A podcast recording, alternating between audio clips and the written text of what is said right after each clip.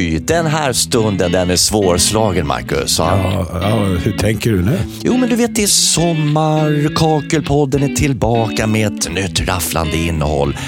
Vad mer behöver människan egentligen? Ja, typ eh, syre, vatten, mat, lite kärlek. Äh, alltså det där är väl ändå underordnat det jag nämnde nyligen. Absolut, 100 procent. Men skönt att vi kan röra oss fritt i värmen igen. Ja, verkligen. Coronaläget har ju gått åt rätt håll ganska länge nu. Både Sverige och de flesta andra länder har ju öppnat upp till fullo, vilket märks. Om inte annat till säkerhetskontrollen på Arlanda. Det är ju totalt kaos där. Ja, verkligen. Eh, och så är det ju också när många vill söka sig ut i den stora världen igen och söka lite spänning. Mm, och kanske dejta. Jobba lite. Och då är det viktigt att veta vad man ska svara ifall någon ja, potentiell partner i det här landet, ja, eller arbetsgivare för den saken också, eh, som man siktar in sig på undrar vad man jobbar med. Och är ni till exempel i Spanien, ja, då ska du då svara. Trabajo como salador, que no es lo mismo como consolador. Vad glad hon var. Onekligen. Oj ja. Och hennes man är ju dock lite stelare här. Hola, trabajo como soldador. Var det där också jag arbetat som plattsättare på spanska? Japp, japp, japp. Så var det. Och i Filippinerna säger man så här. Ang hanap buhay ko ay naglalagay ng tiles. Va? De har ju flera språk i det landet. Det där var tagalog och här hör vi bisaya. Akong trabaho, magbutang og mga tiles. Jag har ju faktiskt lite finskt i generna. Har du ingen finne? Såklart jag har. Så här låter Jag arbetar som plattsättare i vårt blåvita grannland. Joo, perkele. Minä on laatoittaja, saatana. Nej, men det där stämmer väl inte? Jo då, jo, så är det. Och så här ska man säga om man har lite partnerkänning eller ett jobb på gång för den delen också då såklart då, i Nederländerna. Ik werk als tegelzetter. Eh, Okej. Mm. Eller i Frankrike. Je suis un carreleur. Kanske vi kan parkera den här söka jobb utomlands-frågan nu och gå vidare? Ja, ja, ja, ja, ja, visst om du vill så. Ja, men det vill jag verkligen. Och Jag skulle istället vilja lyssna på vad den där norrlänningen hade att säga som du snackade om häromdagen. Ah, du menar Andreas va?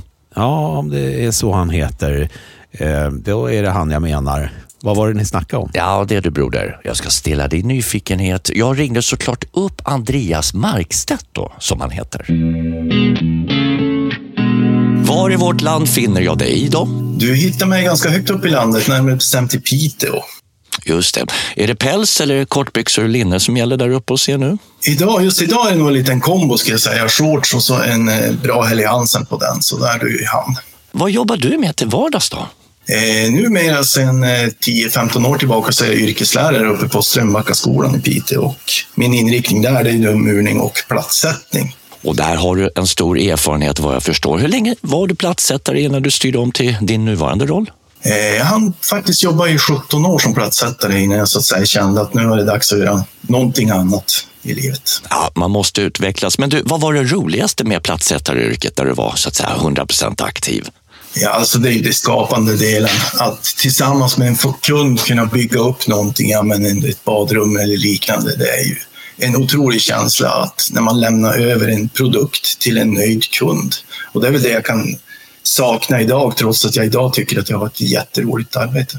Men du, du är ute och flaxar på kartan lite grann. Du var väl nere i Växjö, antar jag. SM med platssättning avgjordes där för några veckor sedan. Vilken roll har du i det evenemanget? Ja, men när det gäller det evenemanget, det är ju en form av arrangör när det gäller själva yrket platssättningen. Jag är väl som lite grann spindeln i nätet när det gäller, gäller det yrket så att säga.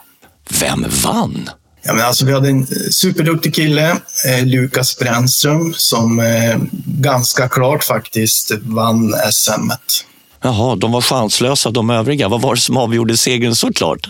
Nej, men det är ju så att i, i platssättningen, egentligen generellt när man tävlar i yrken, så handlar det om att man ska dels givetvis ha väldigt bra precision och kvalitet och man ska följa en ritning, men det är också faktiskt att man ska hinna under utsatt tid, momentet. Och han var faktiskt den enda som, som hann helt färdigt. Och vilket eller vilka moment tävlade man i i år? Eh, vi hade ju så att vi hade två väggar och så hade vi ett golv med en trappsteg kan man säga. Och sen så blir det så att man försöker hitta en koppling då till orten man gör det på. Så att eh, i det här fallet så hade vi en väldigt känd byggnad i Växjö då, som vi hade på en av väggarna som gjordes. Och hur lång tid hade man på sig?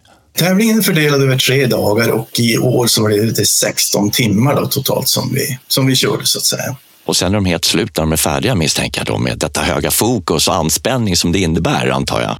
Ja, men det är ju faktiskt så att det är en otrolig spänning och det är en otrolig press på de som faktiskt väljer att vara med. Men man kan säga så här, även om det är, de är helt slut så efteråt säger alla att jag har ju lärt mig så otroligt mycket om mig själv. Är det en domarjury som avgör det hela i kombo med att besökarna får lägga en röst som ett tv-program på en kommersiell kanal, eller hur funkar det? Ja, vi, har inga, vi har inga så att säga, besökare som får vara med och rösta, men däremot är vi ett domargäng som går igenom och så följer vi en fastställd bedömningsmall. Så att det är ganska tydligt. Vi bedömer kanske 60-70 olika punkter. Så att jag brukar säga det att man kan ha tur på något ställe, men man kan inte ha tur överallt. Utan tanken är ju när allting är klart, tävlingen är över, då ska den bästa personen stå som vinner. Mm, och har man tur så är man en bra spelare som man brukar säga, eller hur?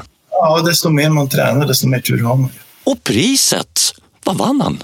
Förutom ära och berömmelse så får man ju faktiskt möjlighet att åka vidare ut i världen och tävla inom yrket. Och så att säga. Så att eh, i det här fallet, den här killen kommer få möjlighet att åka till Polen eh, nästa höst som där EMet går och kommer även att få möjlighet att åka till Frankrike då året efter det, då i Lyon, där VM kommer att avgöras. Wow, vad häftigt. Hörru. Och vad jag förstår då, en av de som sponsrar vinnarna i den fortsatta karriären här under tävlandet är ju Byggkeramikrådet, eller hur?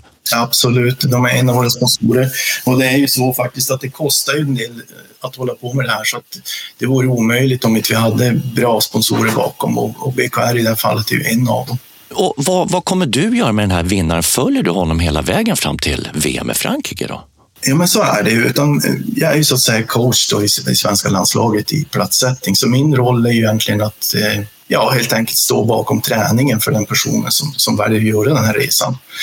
Den kommer ju att ingå i, i Sveriges yrkeslandslag då, som är ett väldigt stort satsning som, eh, där, där flera stora aktörer ligger bakom. Men min roll är ju att coacha hela vägen ända fram och när vi kommer fram till tävlingen så är ju min roll att vara en av domarna. Okej, okay, och då ska du på något sätt få den här killen att toppa sina färdigheter till dess. Förbättra sina små, små minibrister då antar jag, eller? Absolut. Och det är ju en, ett jobb som är faktiskt ganska omfattande. Vi har ju tydliga träningsplaner hur vi ska lägga upp allting. Och sen så har jag väldigt bra hjälp av de som har tävlat tidigare också.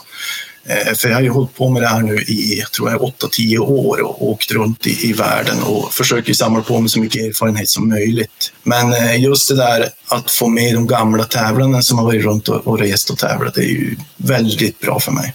Har vi haft svenska framgångar i eh, plattsättar-VM eller yrkes-VM eller vad vi nu ska kalla det för?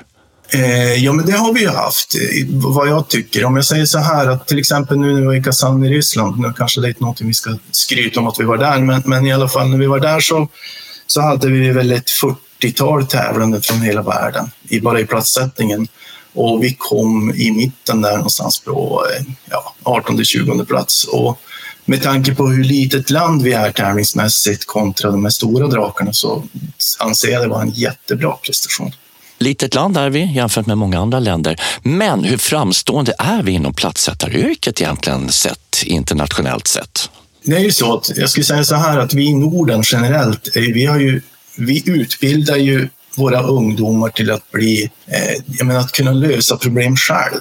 Att helt enkelt, lite grann som vi gör på jobbet, att de åker ut på ett jobb och så utför de hela jobbet. Och så ser det inte ut överallt, utan går vi till, till andra delar av världen, då följer det nästan alltid med en chef till varenda jobb som ska egentligen styra och ställa och säga exakt hur saker och ting ska göras. Så att upplägget på platssättningsutbildningarna ser ju helt annorlunda ut i Europa, framförallt norra Europa och övriga världen. Att vi är inte lika toppstyrda, utan vi förväntas kunna mera generellt. Och det tycker jag är någonting vi ska vara superstolta över.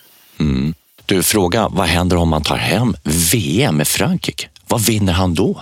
Ja, det är nog inte så mycket pengar och sånt, men däremot så har man ju, jag kan ju säga så här att de här stora arbetsgivarna som finns runt om i världen, de besöker de här evenemangen och eh, man kan säga så här, man har gott om bra arbetserbjudanden runt om i hela världen om man så att säga placerar sig bra. Ja, kan man få ett ganska bra jobb om man uppvisar ett gulddiplom där det står “Jag är världens bästa plattsättare”? Jag skulle säga att det smäller ganska högt.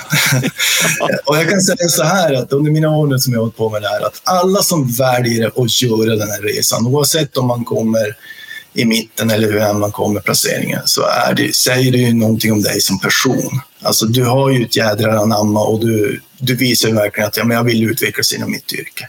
Och de personerna som nu har gått den här resan, antingen eller på att säga, är de egenföretag eller också har de höga positioner inom olika företag. Ett starkt pannben och goda färdigheter, de har möjlighet att, att vara med i SM. Jag tänker inför nästa år, vad är kravet för att få ställa upp?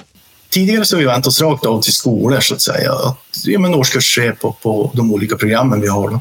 Men till i år så provar vi att ta en litet omtag och, och vända oss även till alla som hade så att säga rätt ålder och ut och jobba som lärlingar, plattlärlingar så att säga. Men eh, svårigheten när man vänder sig mot företag och så vidare, det är ju det här med ja, men, du blir borta några dagar från jobbet. Eh, för, företaget kanske inte vill vara med och betala lönen och så vidare. Det gör att vi har haft lite svårt att få företag med. Men i år så hade vi ju 50 procent som kom från företag och 50 procent som kom från skolan. Och det är klart att har du jobbat, för du kan ha jobbat två år och fortfarande vara med på ett SM. Och det är klart att har du jobbat två år så du har ju oftast ett försprång mot de som kanske kommer att lämna skolan direkt. Men eh, det viktigaste som man inte ska glömma av i det hela, varför vi håller på med det här i grund och botten, det är ju någonstans för att visa upp det fantastiska yrket platssättningen för våra ungdomar så att fler väljer att gå till det. För det är ju ändå det som, som är syftet och målet. Vi vet ju att vi kommer att sakna enormt mycket arbetskraft inom olika yrken och platssättningen är ju ett. Så, att, så det här är ju som sagt var, hela SM och yrkes-SM som det bedrivs, det är ju någonstans för att vi ska värva fler ungdomar till, till yrkesprogrammen helt enkelt. Kul att höra verkligen och roligt att du var med Andreas Markstedt. Du får ha världens bästa sommar där uppe i Piteå. Sköt om det och tack återigen. Tack så mycket. Bra samtal det där. Väldigt trevlig kille. Man blir ju sugen. Tänk om man hade varit lite yngre, varit lärling. Då hade jag ju lugnt velat tävla i den där yrkes-VM. Det, det, känns som att det är en ganska stor grej. Ja, ja, ja. Alltså yrkes-VM är det tredje största arrangemanget i världen. Wow. Ja, ja. Shit. Det körde igång 1950 och i senaste VM-uppgörelsen i Kazan i Ryssland som då Andreas berörde så tävlade inte mindre än 1400 deltagare Oj, shit. i 56 yrken. Wow. Vilka är de undrar man, men då kan inte jag rabbla här.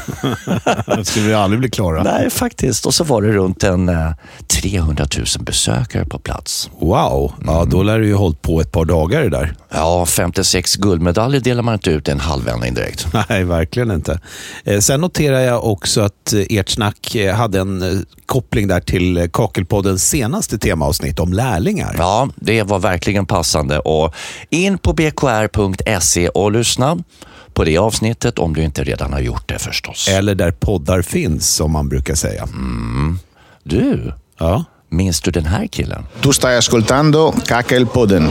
klart jag gör. Ja, vad betyder det då? Du lyssnar på Kakelpodden på italienska. Bra där! Molto bene, bello. Du var ju i keramikens hemland, Italien nyligen. Har du något att berätta därifrån kanske?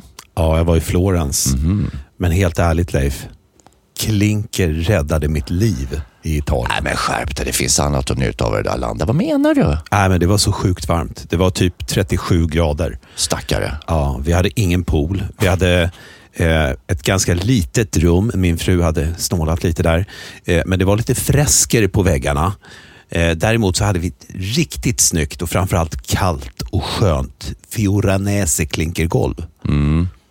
Där låg jag och tryckte när det var som varmast. Du har liksom blivit kakelskadad totalt. Här. Det fanns inget annat att njuta av i det där landet, men okej. Men var det snyggt golvet då? Ja, det var ett riktigt vackert eh, grafiskt mönster på de här plattorna.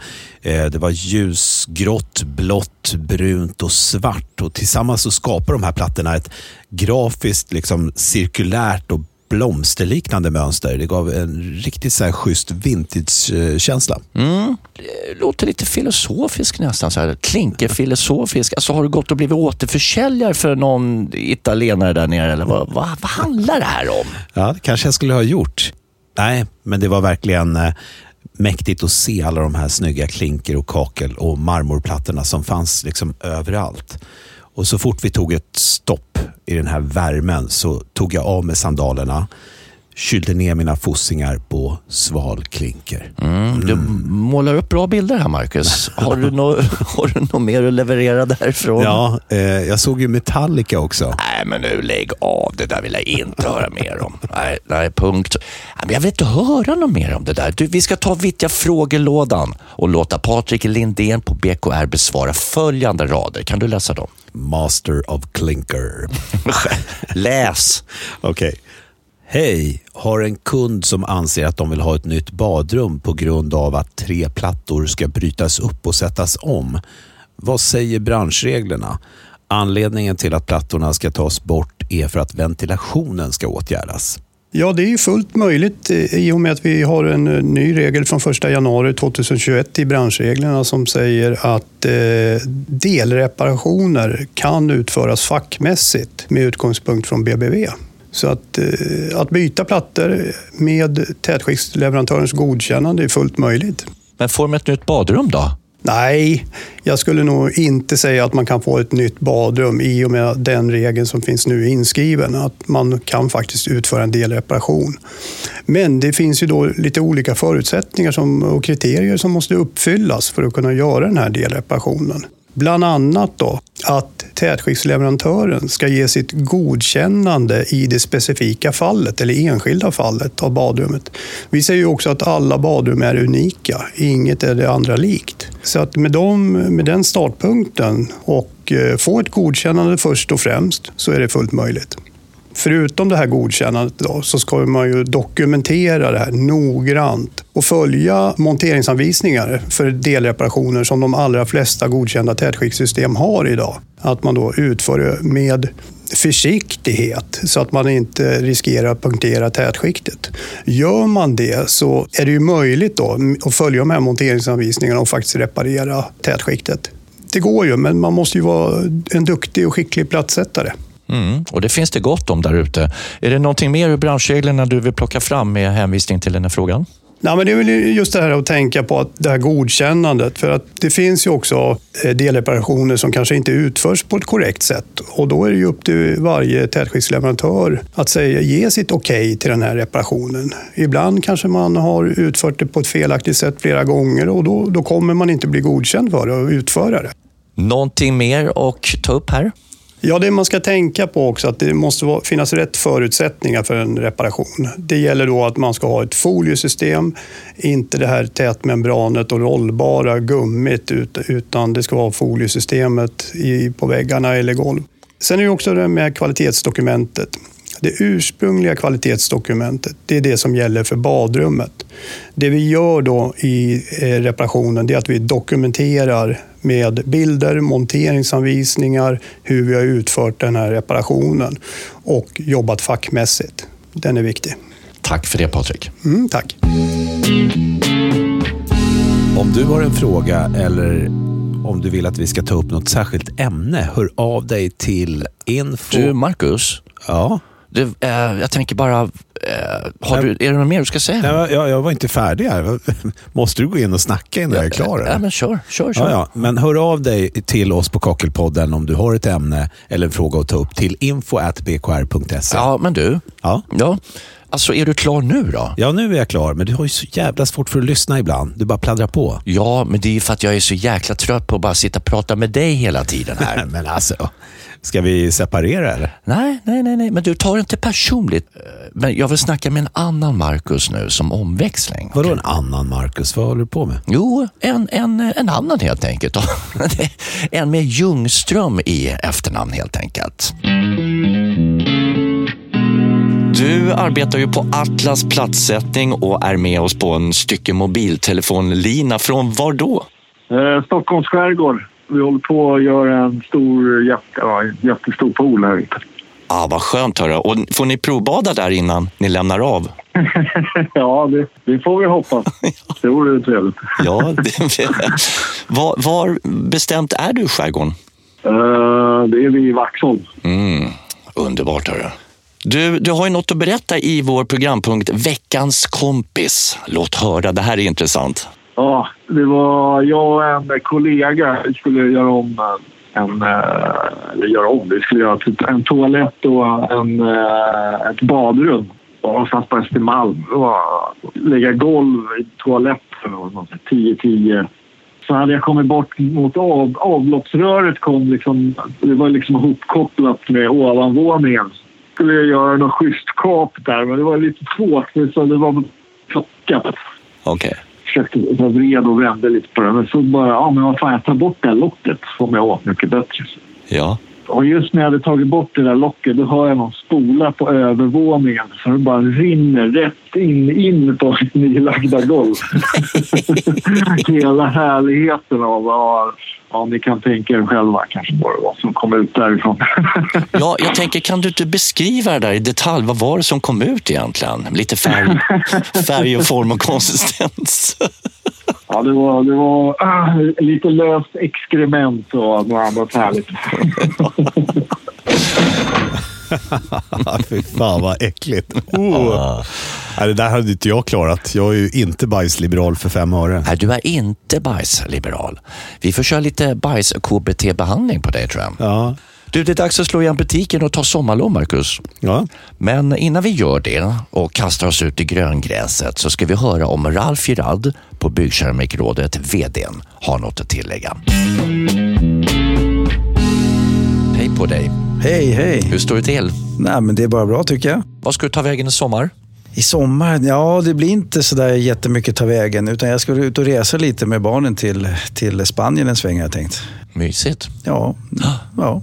Besöka lite offentliga toaletter och se hur, eh, hur plattorna sitter och lite sådär. Kopplar man av som VD i en sån här bransch? Ja, det försöker man göra. Men eh, det är väl klart att man är yrkesskadad så man tittar alltid på kakelklinken var man än är. Så är det Jag var nere i Spanien för några veckor sedan. Jättesnygga toaletter, så vi är inte bara nummer ett på alla fronter i Sverige. Hörru. Mm, nej, nej.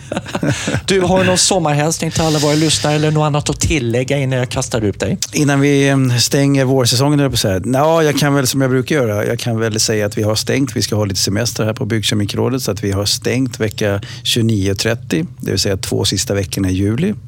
Eh, Men annars så har vi öppet som vanligt eh, fram till dess. Har du någon liten cliffhanger inför hösten? Någonting du vill dela ut? Eh, ja, vi startade ju hösten, eh, du, du, du, lite roligt i och för sig, då. vi startade den med en ny tidning faktiskt. Så att vi kommer köra igång en tredje tidning. Så den kan väl, ja jag kan ju nämna den då. Ja. Men då blir det inte så mycket cliffhanger. Mer än jag kan nämna vad den heter och målgruppen. Med lite spoiler spoiler. Ja, lite.